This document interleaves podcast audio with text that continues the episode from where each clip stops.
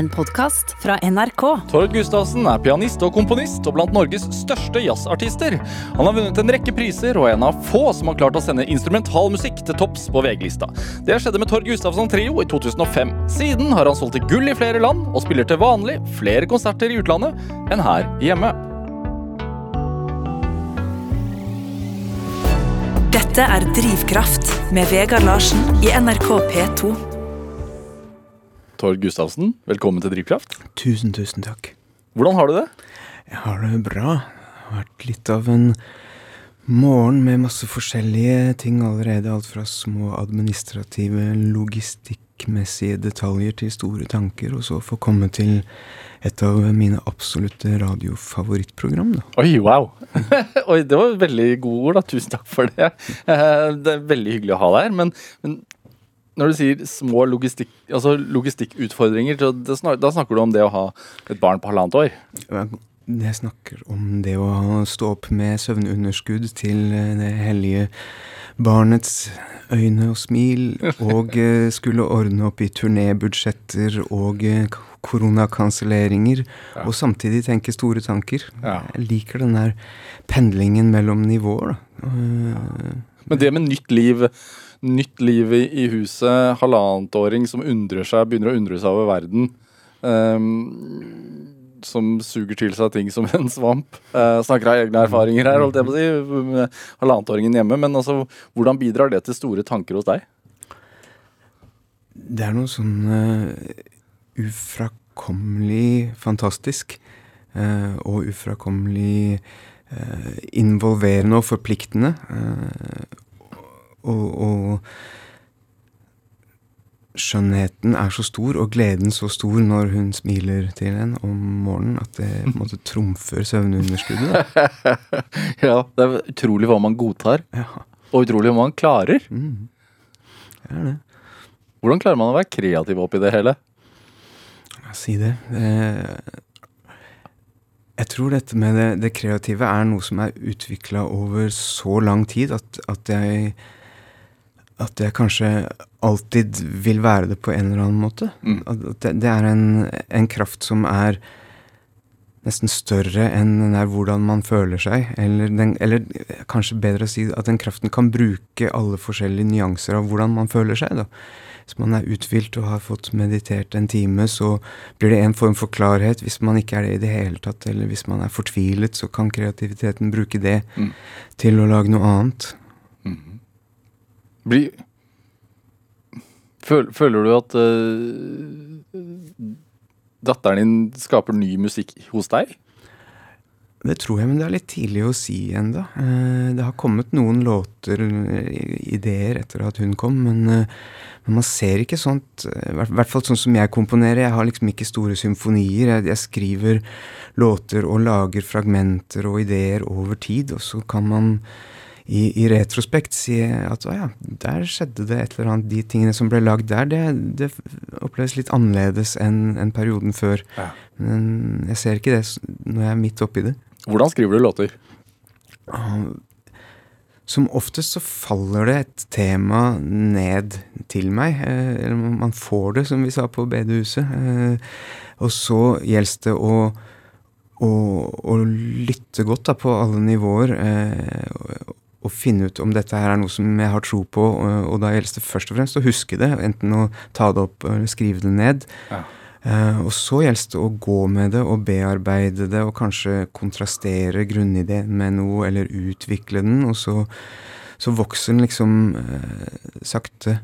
Men sånn rent sånn faktisk så kan du Altså du, Når du sier at det, det faller til hva var det du sa? Det kommer til deg. Ja, men hva er det sånn Altså det starter med Det, det, en toneart oppi skolten, liksom? Eller? ja, det kan komme som en slags sånn impuls, med et lite motiv, eller en, en tonerekke, eller en, eller en frase, da. Eh, og den kan komme av og til hvis jeg setter meg ned ved pianoet og åpner opp for det, men av og til kommer det da ikke noe i det hele tatt. Eh, og den kan komme i en turnébuss på, eh, på flyet. Eh, det kan komme hvis jeg setter meg ned på en kafé. Kan, for meg er det i hvert fall et veldig forskjellige typer situasjoner som sånne ideer kommer. Og så er det stort sett ved piano at jeg utvikler dem, og at jeg finner ut om de er noe å samle på eller ikke. da. Men det er ikke der ideen kommer ofte? Nei, oftest kommer den i andre situasjoner. Eh, Det har jeg merka. Og ja, også på lydprøve med bandet kommer det ofte sånne ideer fordi jeg blir inspirert av noe de andre gjør når de sjekker ut instrumentene. Jeg plutselig får trommer i monitor, og så låter det så ekstremt inspirerende av det Jarle spiller på trommene, og så, så kommer det en liten en snutt der og da, da. Ja. Sånne ting. Hvordan merker du det, da? Er det sånn altså, det, Kreativitet og sånn Det å skape noe er jo abstrakt på et vis. Altså, det er vanskelig å forklare med ord, men sånn Hvordan merker du det? At her er det noe? Jeg Det skjer at jeg spiller et motiv, eh, og så kjenner jeg ah, det, det her sa meg et eller annet, eller dette kan jeg kanskje si noe med. Et Eh, motiv, hva er det? Ja, et motiv, Det er en tonerekke, basically. En, en, en, et fragment av en sang, kan man si. Fragment av en melodi. Ja. Det kommer som oftest som, som det. Og da kan det dette inn i hodet at jeg synger det inni meg, eh, eller det kan dette inn i fingrene at jeg spiller det på en lydprøve. Da. Ja. Og det blir det, det, det selger til gull noen ganger. Det er ganske fantastisk, da. Nei, ja, det, ja de, har, de har på en måte ikke blitt fullt akseptert ideene før de har prøvd i konsert med bandet. Da, da vet vi om de holder. Men altså, det er um, du, du sitter jo ikke bare og komponerer. Du, du jobber også som kantor.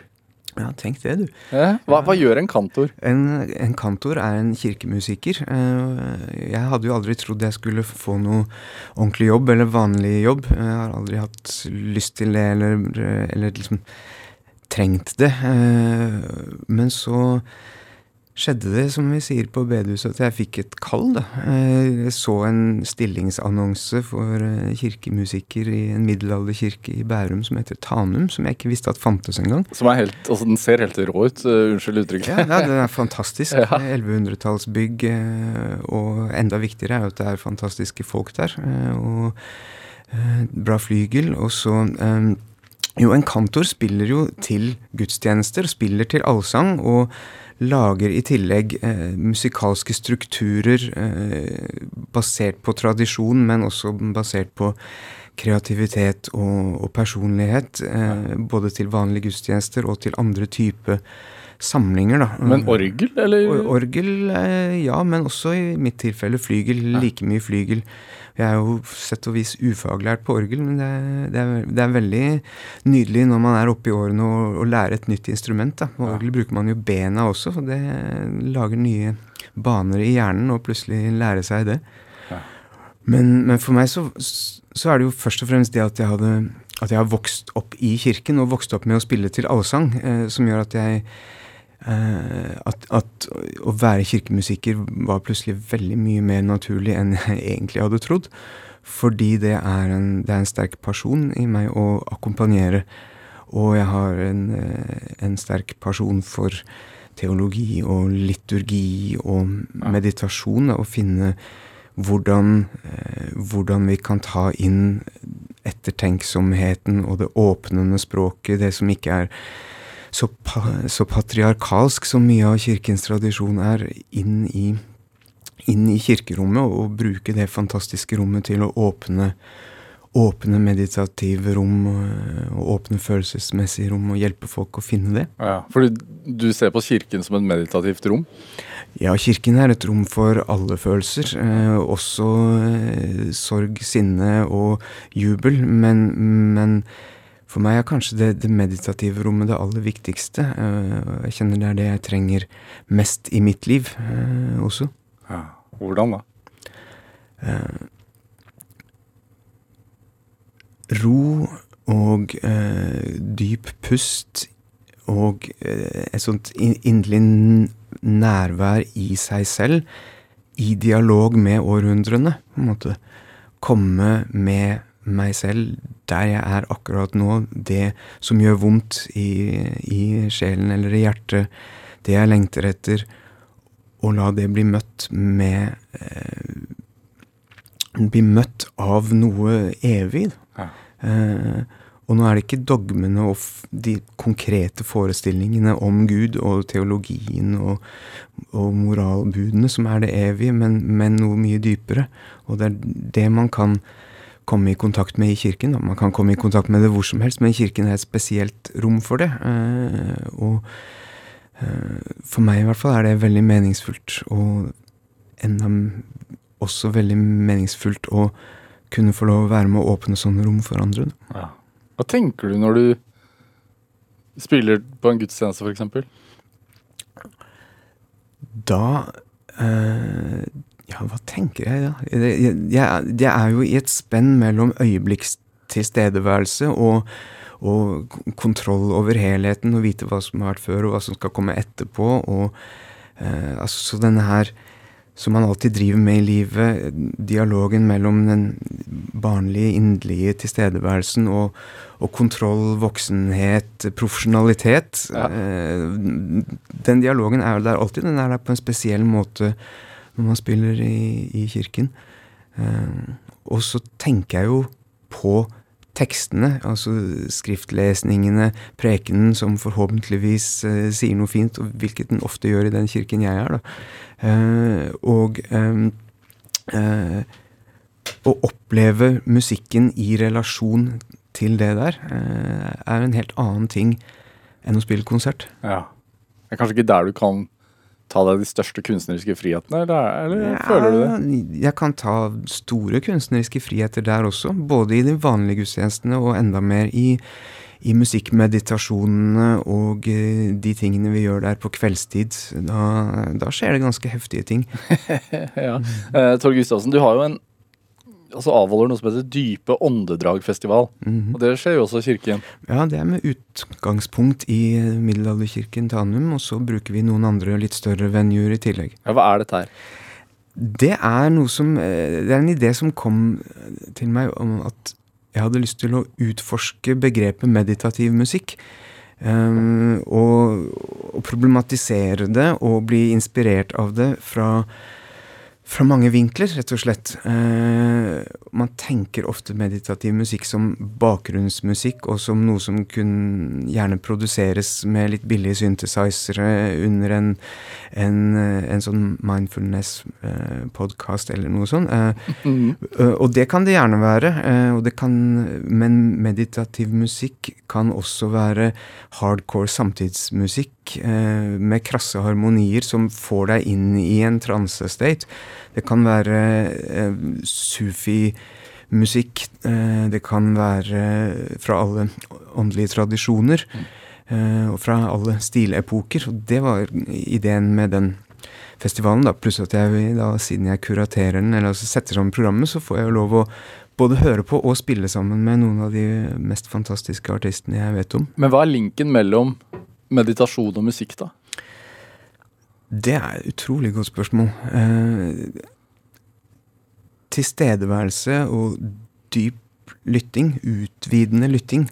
Altså ikke bare, ikke bare tro at man vet det fra før, men stille seg, stille seg åpen for å bli henført, og for å bli tatt med til et sted man ikke har kontroll på.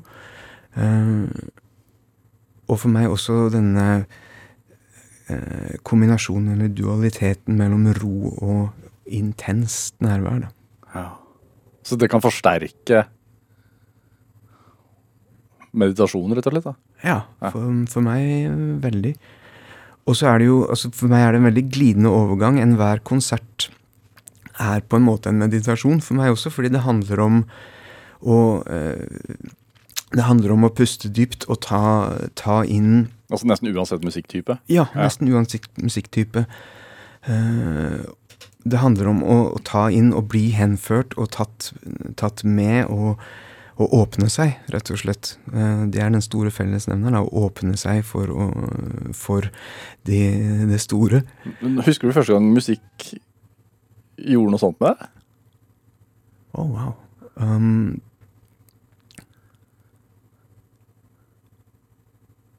Jeg husker noen av de, eh, de første opplevelsene av å sitte ved pianoet eh, som vi hadde måttet flytte fra stua og inn på rommet mitt fordi jeg spilte så mye at de andre ble slitne av det.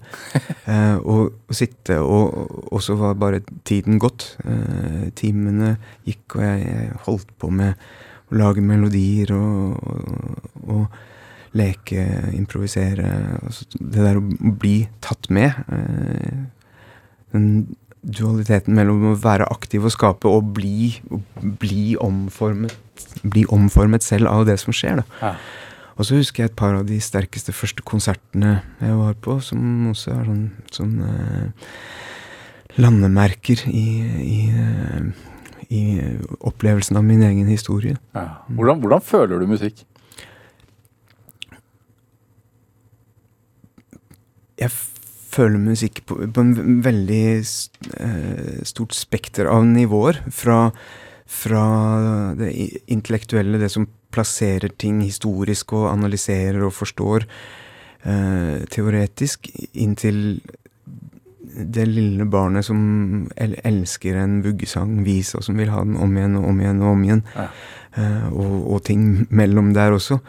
Eh, og det jeg liker aller best, er når de nivåene bare er der eh, sammen. Og det, og det, pendler mellom dem, og det ikke er noen motsetning mellom intuisjon og analyse. Ja. Mm, det, blir det en liksom kroppslig opplevelse også? Sånn, eller? Ja, det, ja. ja, veldig. Når jeg spiller selv, så har jeg jo ikke noe særlig eh, eh kontroll, holdt jeg på å si. Det, det, det, er en veldig utlevert og en veldig fysisk måte å være til stede med, med, bevegelser. Jeg prøver alltid å sitte litt rett i ryggen, og det går bra i elleve sekunder. Og, så, og så, eh, så, er det en veldig fysisk ting. Ja. Eh, og så er jo du sitter ganske bøyd etter hvert. ja, jeg, jeg, prøver jo ikke å gjøre det, men det, det, det funker ikke helt. Men, men, grunnen til at det ikke er Ser ut som du nesten suges inn i pianoet. Ja, det, det er jo det, er en veldig sånn inderlig tilstedeværelse med instrumentet. Ja. Å, eh, å, bli ett med instrumentet. Uh, men jeg tror grunnen til at det ikke er, um, skadelig for, for, kroppen og holdningen på sikt, er at det, er, at det ikke er så statisk. Da. Det beveger seg ja. hele tiden. Uh, eller, så tror jeg nok det hadde vært uh, nokså forkrøplet. Det med tro altså Du har studert religionshistorie. jeg også, uh, faktisk. Og du er opptatt av tro. Hva, hvorfor er du Hva er det som trekker deg inn i det? Først er det oppveksten min, hvor jeg var i, på søndagsskolen og i kirken og, og hadde en, eh, en sånn barne, barnlig tro som fikk vokse med en nerd som ble mer og mer opptatt av psykologi og, og stille spørsmål, og fikk lov til å stille spørsmål og komme tilbake til dette på nye måter hele tiden. Så det, så, sånn sett er det en, en eh, en vei som, som, jeg har gått siden jeg var bitte liten. Uh, og så er det jo en veldig sterk opplevelse av at det, det hellige rommet i oss og rundt oss er, er, viktig. Der hvor det vibrerer av absolutt godhet, skjønnhet sannhet. Mm. Det det er uh, viktig. Det, det, er kanskje min, min, drivkraft, altså lidenskapen for det der. Mm. Og, og, den er jo like mye i musikken som i teologien, når teologien er god og, og, og menneskevennlig og åpnende. Uh, og for mange er den veldig sterkt i naturen, og for meg er den også i de dype personlige møtene. Så uh, så det er ikke sånn at man må ha kirken for å ha tro. For meg er det en, en, en viktig og naturlig del, del, av den helheten. Jeg tenkte vi skulle spille litt musikk. Eh, vi, skal, vi, skal, spille låta 'Sweet Melting'. Ja. Er, representerer den noe av det vi har pratet om nå? Det ja, det gjør den veldig. Ja. Det er jo faktisk i, i utgangspunktet salmen 'Jesus din søte forening og smake' som er en, eh, en nydelig melodi og en fantastisk tekst om å smelte sammen med guddommen. Eh, men så utover i versene i, i salmeboken så blir den verre og verre med en sånn pietistisk kroppsforakt og eh, meg, arme synder-type forkynnelse, som det ikke går an å, å, å, stå for. I hvert fall ikke ukommentert. Men, men, første linje og selve låta og selve den, den inderligheten er så fantastisk. Og så brukte vi den låta da i et prosjekt sammen med sangeren Simin Tander, hvor vi gjendiktet en del eh, norske salmer til eh, språket pashto, det afghanske språket pashto. Simin hun er halvt afghansk. Faren hennes kom fra Afghanistan til eh, Europa, til Tyskland, mm. på, på 70-80-tallet. Mm, og eh, vi tok noen salmer og rett og slett gjendiktet veldig fritt, som sufi-dikt nærmest, altså hvor det ikke er Fader, Sønn og Hellig Ånd, men andre begreper for guddommen. Men, men begreper som jeg opplever er eh, veldig riktige og viktige og helt i ånden til de salmene. Og dette er et eksempel på det.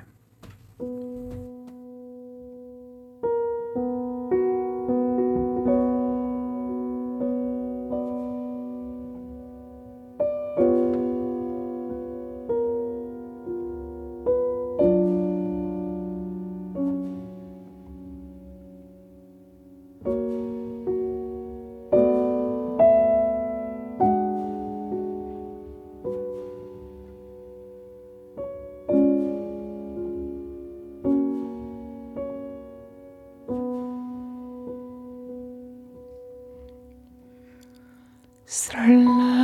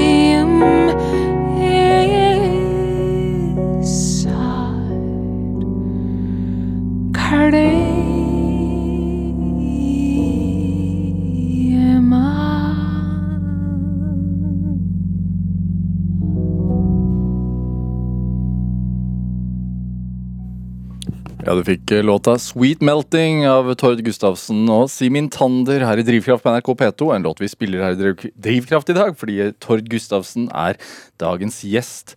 Dere fremførte den på Oslo Jazzfestival i fjor. Ja, det, det, det lille, Den lille åpningen for å spille mm. konserter som ja, var i fjor. Da var det lov akkurat den uka, for å si det sånn. Og da spilte dere den jo også for Afghanistan. Mm, ja, ja, det gjorde vi. Det, det var veldig sterkt også. Det var i det på den uh, tiden hvor Taliban tok over og uh, Man har jo ikke blitt mindre bekymret for situasjonen for kunsten, for kvinners rettigheter, for musikere generelt i, i, det landet siden da. Mm. Er, det, er, det, viktig for deg ja, i musikken din? Altså at Hva skal man si? Ikke være politisk, kanskje, men å, men å våge å gi de stemmene i, forhold, i kunsten din?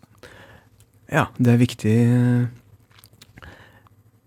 Så musikk for meg kommer ikke fra et politisk engasjement først, men, men, når politikken på en måte krysser kunsten, øh, sånn som den gjør der, øh, og sånn som den gjør for en del iranske musikere jeg har jobbet med, så, så blir det veldig viktig. Øh, og da blir det viktig å være modig, rett og slett, og ikke ja, stå, stå oppreist og spille sånn at det høres.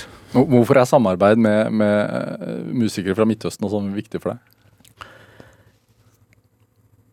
Den viktigste grunnen til det er at jeg elsker de musikalske tradisjonene, eh, og at eh, dialogen mellom vestlig og, og, østlig på så mange plan i livet mitt er, er avgjørende. Enten det er meditasjonstradisjoner eh, eller musikalske tradisjoner. Eh, så det er den absolutt viktigste grunnen. At det finnes så ufattelig mye sterk musikk. Mm. Er du, altså, du, er fra, du, er født i Oslo, mm. men du har ikke vokst opp her? Vokst opp i en liten bygd som heter Hurdal, en ja. time nord for Oslo. Ja. Uh, hvordan var det? Um, det var Jeg hadde en veldig god oppvekst. Jeg var nok en liten sånn eh, raring, en litt nerd outsider som spilte piano og gikk på søndagsskolen og ikke spilte fotball. Og hadde annen dialekt enn eh, de fra bygda og sånn. Ja. Hvordan merket du det? At du var en outsider?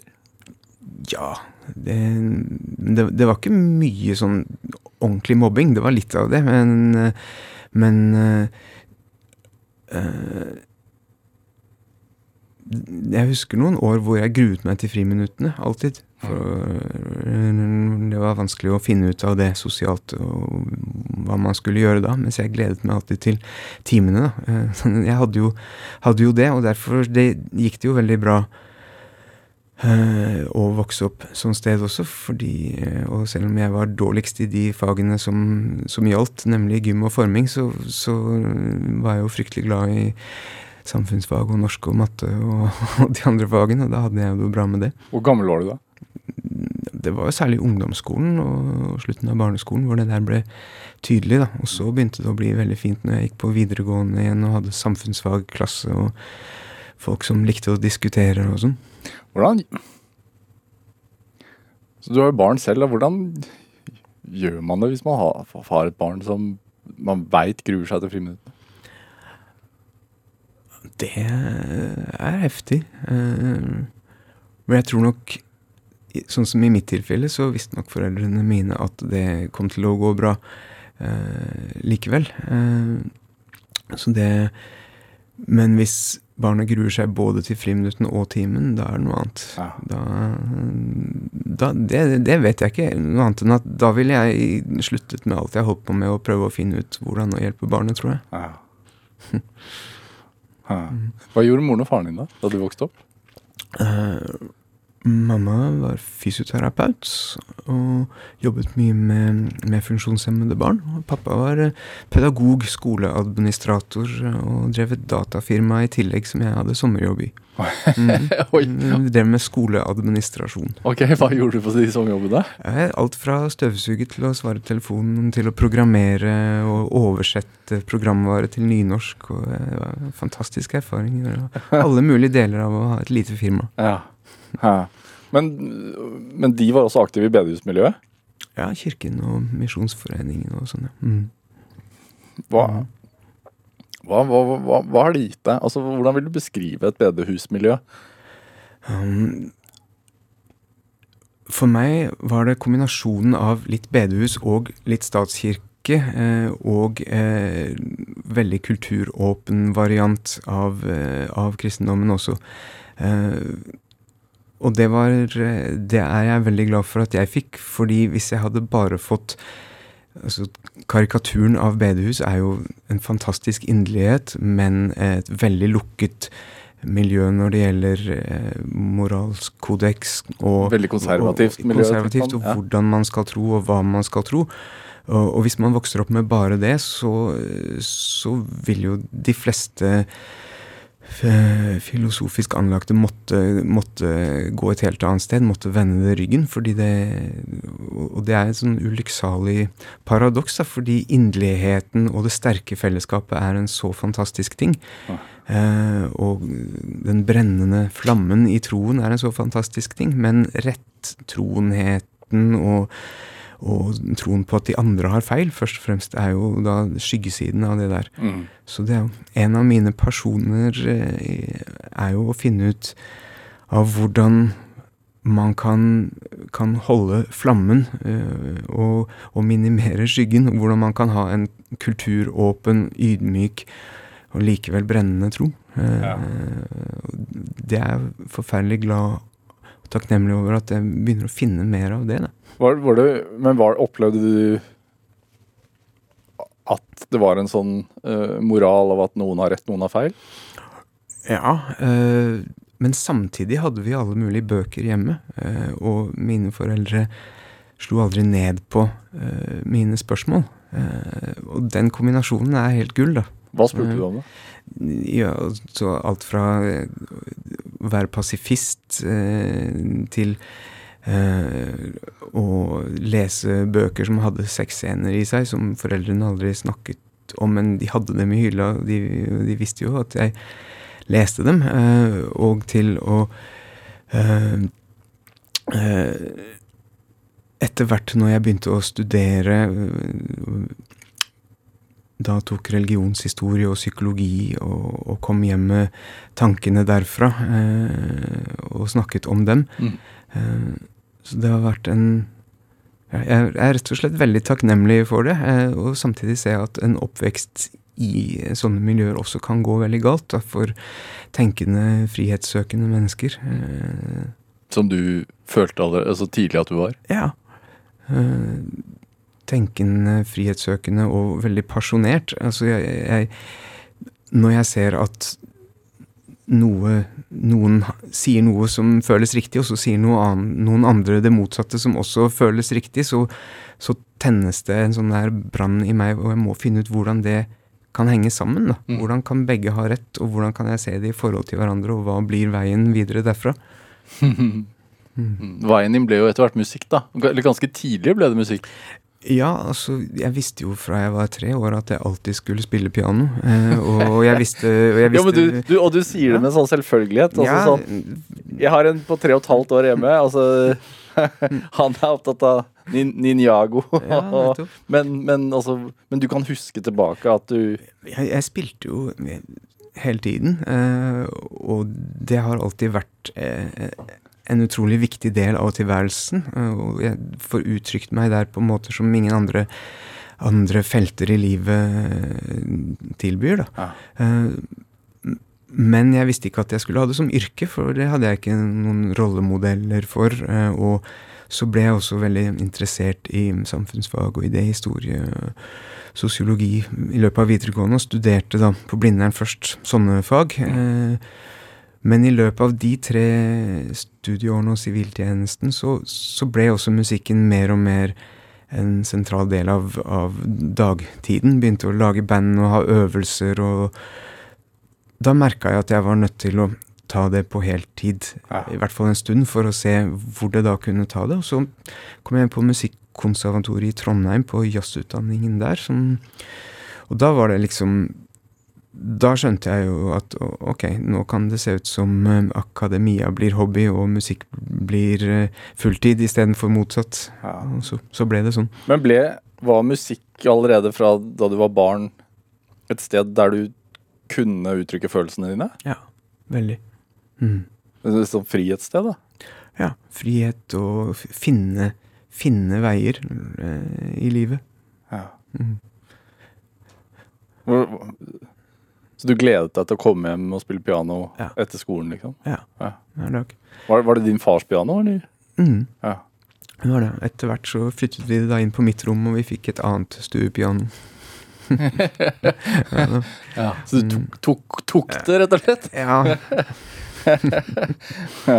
er det um, du, du, du kommer jo på eh, skolen i Trondheim og er jo etter hvert med og, og bidrar til eh, samarbeid med flere norske kjente artister. Mm -hmm. Og så starter du etter hvert din egen trio.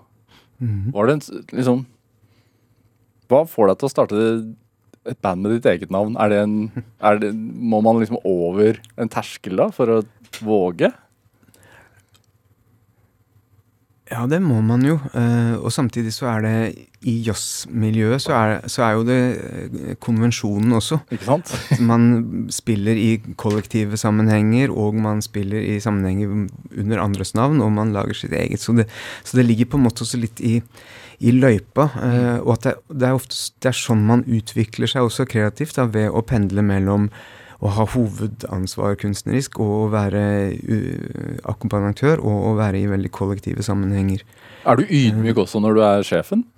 Det tror jeg. Uh, det, det det gjelder, er jo å finne den riktige blandingen av ydmykhet og, og uh, trygghet. Mm. Og, og, og, og, våge å komme med ting også. Uh, og det tror jeg har blitt litt bedre gjennom årene til å skjønne at jeg er jo en slags sjef i den trioen, uh, enten jeg vil det eller ikke. Så gjelder det å være det på en god måte, og tørre å, tørre å, å komme inn med tydelige ting. Uh, ja. Hva er det du hadde på hjertet, da?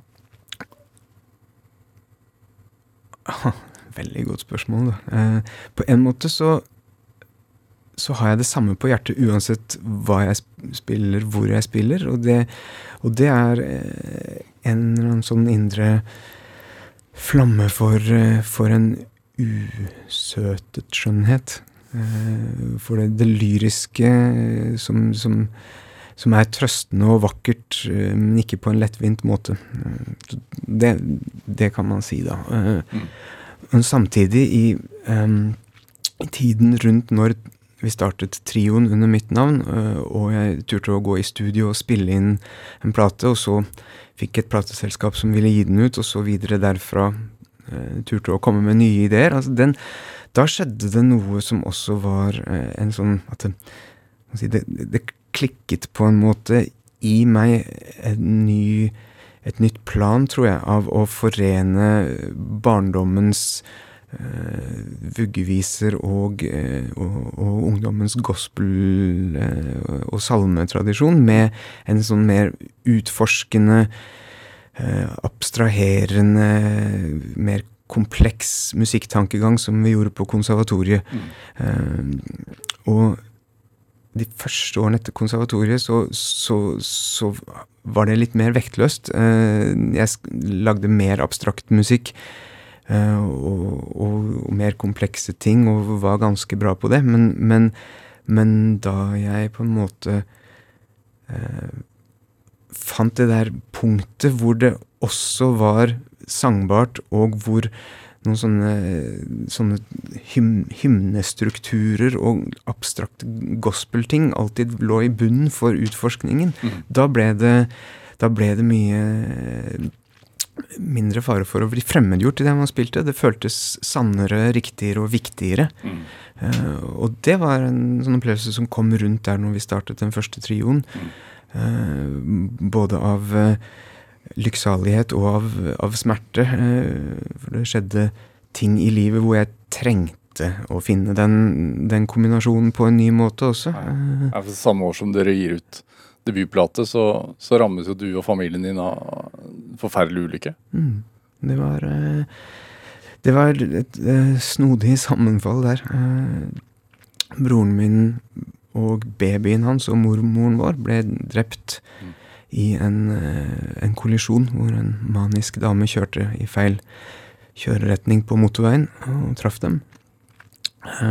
Så da fra et øyeblikk til et annet så er livet helt annerledes, og, og man får eh, et traume som man skjønner man må bearbeide resten av livet, og man får en heftig utfordring i å eh, bevare troen på det gode, og man får eh, man, man får en heftig utfordring i ikke bli bitter. Eh, og sånne ting som man har hørt om. Og det ligner jo på utfordringer man hadde før òg, det blir bare så ekstremt mye større. Eh, å ikke bli bitter, eksempel, og, og det man har hørt, er du kan ikke gå, gå, rundt sorgen, du må gå gjennom den. Det blir plutselig en helt sånn fysisk virkelighet. Jeg mm. kjente det er det jeg må. Hva betyr det?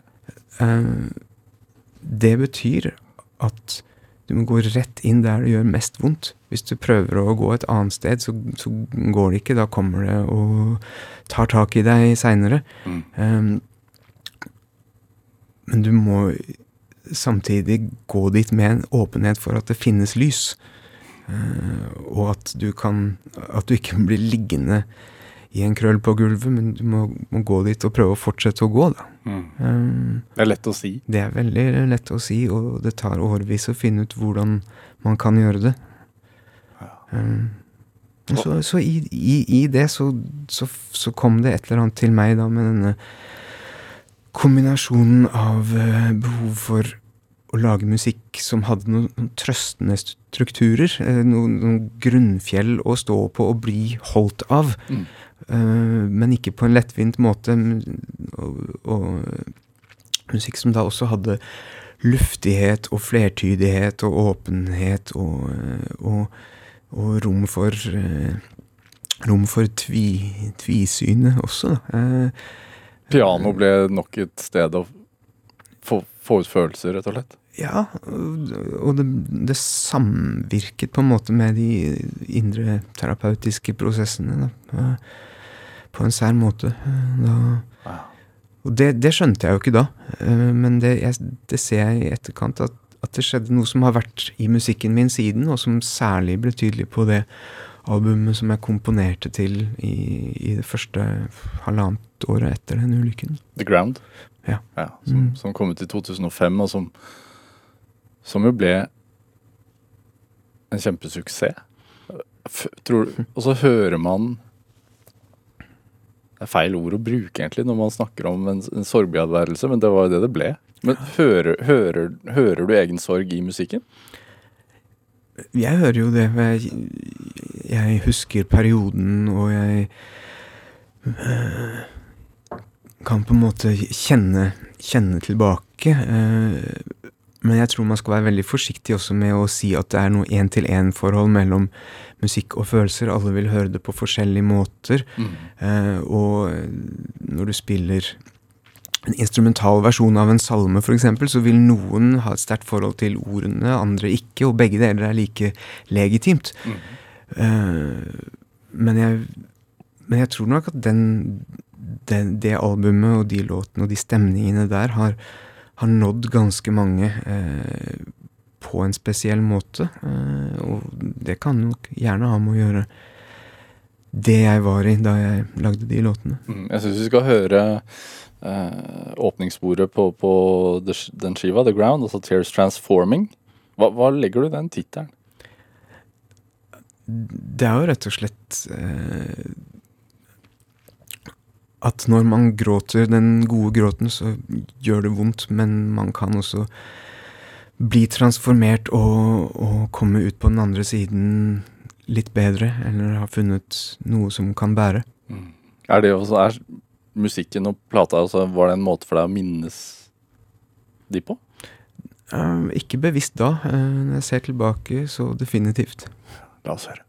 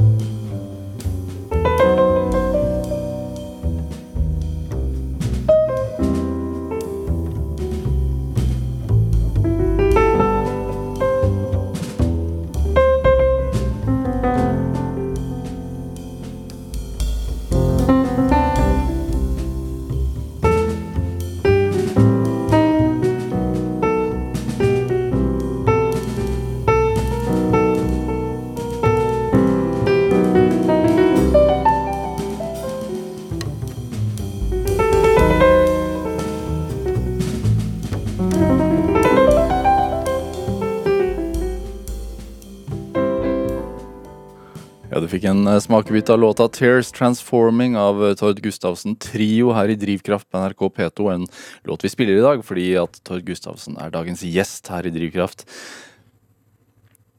Altså, hvordan står man oppreist når det liksom raser som verst? Nå står man jo ikke da nødvendigvis hele tiden heller. Det er viktig å også la seg falle. Ja. Um, men så er det jo å se det lyset som faktisk er, uh, og tørre, tørre å se det også. Uh, og, så er det Eller for meg så er det jo gode Gode mennesker, gode relasjoner. Mm. Uh, bønn og meditasjon for meg, det er kjempeviktig.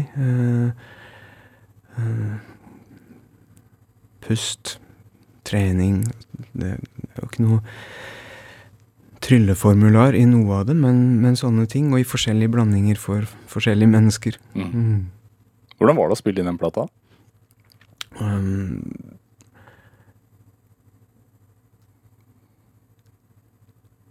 vanskelig og fint. Uh, veldig glad for at vi klarte det. Mm.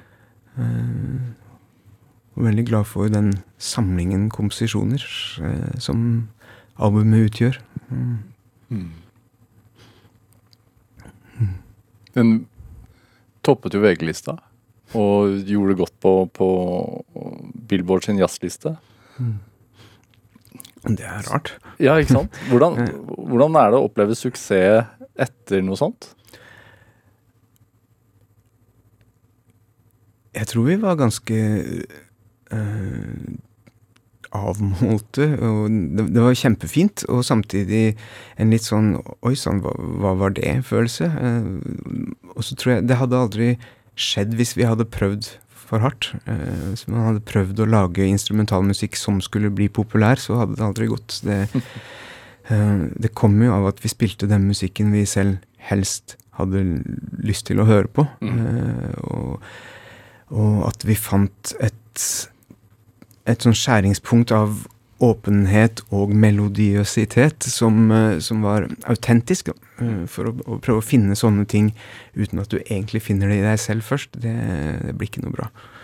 Eh, og så er det jo Etter det, så det skumle med noe sånt er jo at hvis man er i feil hender i en sånn musikkbransje, så, så, blir det jo da veldig nedtur hvis neste plate ikke selger like mye, f.eks. For, mm. for oss så var jo dette også Alt platesalg stupte jo eh, bare et par år etter det. Så, så, nå er det jo Hvis man selger en tidel av det, så er det jo helt fantastisk. um, også man må lære seg å ikke måle, måle seg mot tidligere ja, suksess. Da. Ja, veldig. Og man må lære seg å, å alltid først og fremst stå i noe som, eh, som har varig verdi. Eh, og stå i altså For meg så er det jo det viktigste er å spille for meg selv, og for, for, å komme til det stedet hvor musikken vibrerer av godhet, sannhet, skjønnhet. Mm. Eh, og, og, skape Å få være med og skape det rommet. Hvis jeg gjør det, så er, så er jeg takknemlig og lykkelig, enten det er eh, ti i salen eller 10 000. er, det, er, det, er, det, sant? Ja, veldig. Hæ. Eh, det er kjempefint med et stort publikum, og det er enda finere hvis man merker at de som er der, liker det. Og, og det kan gi en annen energi tilbake, og det kan utvikle konserten i andre retninger. Men, mm. men det er veldig viktig og, og, helt reelt at det kan spille like inspirert uh, for ti mennesker. Mm. Hvor vesentlig er det å, å fremføre foran publikum i det hele tatt? da? Det som er vesentlig, er å få en, en dialog mellom uttrykksbehovet eller uttrykkskraften sin og en lyttende bevissthet. Eh, men egentlig så kan man være den bevisstheten selv også. Så, så i ytterste eh, i ytterste forstand så kan man ha konsert for seg selv, og det kan skje de samme tingene. Men jeg er jo blitt veldig vant til å spille for for mennesker. Eh, og en sånn pandeminedstengning viste jo det også veldig tydelig hvor, hvor glad jeg er i jobben min, og hvor meningsfullt det er å ha lydprøve og forberede seg til konsert og prøve å, å, gjøre det absolutt beste man noensinne har gjort hver kveld. Eh, det er litt sånn nådeløst, men det er også helt fantastisk å få lov til å gjøre det. Og få gjøre det med de beste folkene man vet også i bandet. Mm. Hvor deilig er applaus, egentlig? Det er kjempedeilig. eh, og veldig viktig å ikke bli avhengig av. ja, hvordan, hvordan gjør man det? Ja, det gjør man bl.a. ved å eh, spille av og til for åtte mennesker, eh, og ved å eh, besinne seg på det, og ved å meditere. ja, ja. Um, hvor forsvinner du når du mediterer? Uh, jeg forsvinner ikke, jeg får egentlig et sterkere nærvær. Uh, det er på en måte dualiteten i ut i kosmos uh, og inn i kroppen. Og det Det er på en måte en del av den samme meditasjonsreisen. Ja. Og som man sier i, i kirken, altså den treenigheten som i det språket het Far, Sønnen og Hellig Ånd, som nå åpner mer og mer til å være da Gud som kosmos og Gud som det kjærlige nærværet og relasjonen, og mm. Gud som kraften i oss. Eh,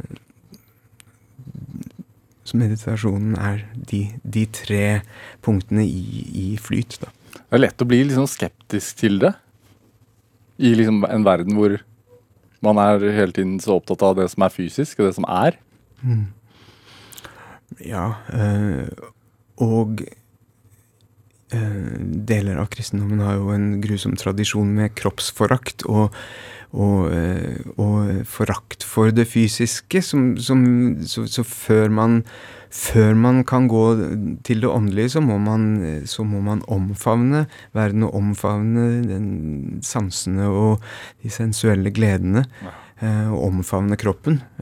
elske det kroppslige. Og så kan man sunt også eh, kontakte kosmos og kjenne friheten i at eh, man også er mer enn en kropp. Det. Ja. Dere kommer jo, eh, Tor Gustavsen Trio kommer jo med ny plate nå. Ja. Er det også Er det mer meditasjonsmusikk? I en utvidet forstand, ja. ja.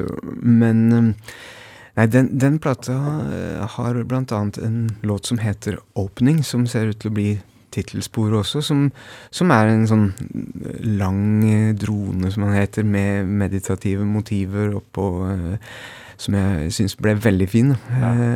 Men den har også groovy ting, og den har Den har en salme, og den har helt friimproviserte, snodige små skjønnhetsflekker, eller skjønnhetsepisoder.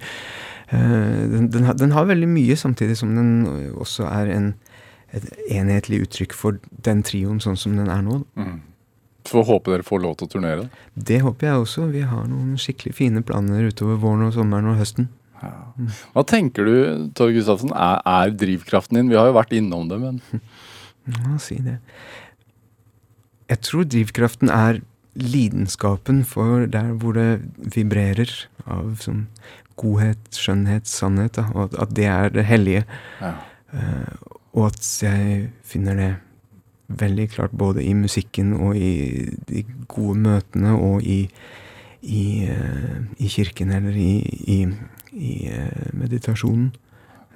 så driv, drivkraften er den der lidenskapen for å kjenne det, for å åpne de rommene, og for å av og til være med å åpne det for andre også. Ja, og dele det med andre. Mm. Det er viktig. Mm. Hmm. Tor Gustavsen, tusen takk for at du kom hit til Drivkraft. Tusen takk for meg. Hør eh, flere samtaler i Drivkraft på nrk.no eller i appen NRK Radio. Du kan også følge oss på Instagram på NRK Drivkraft. Der har du en bilde av eh, alle gjestene som har vært i dette programmet. Send oss gjerne ris og ros, og tips til mennesker som du mener har drivkraft. Send en e-posten til drivkraft, krøllalfa, nrk.no. Vi hører gjerne fra deg. Produsent og researcher i dag var Camilla Bolling Muir. Jeg heter Vegard Larsen. Vi høres. Du har hørt en podkast fra NRK. De nyeste episodene hører du først i appen NRK Radio.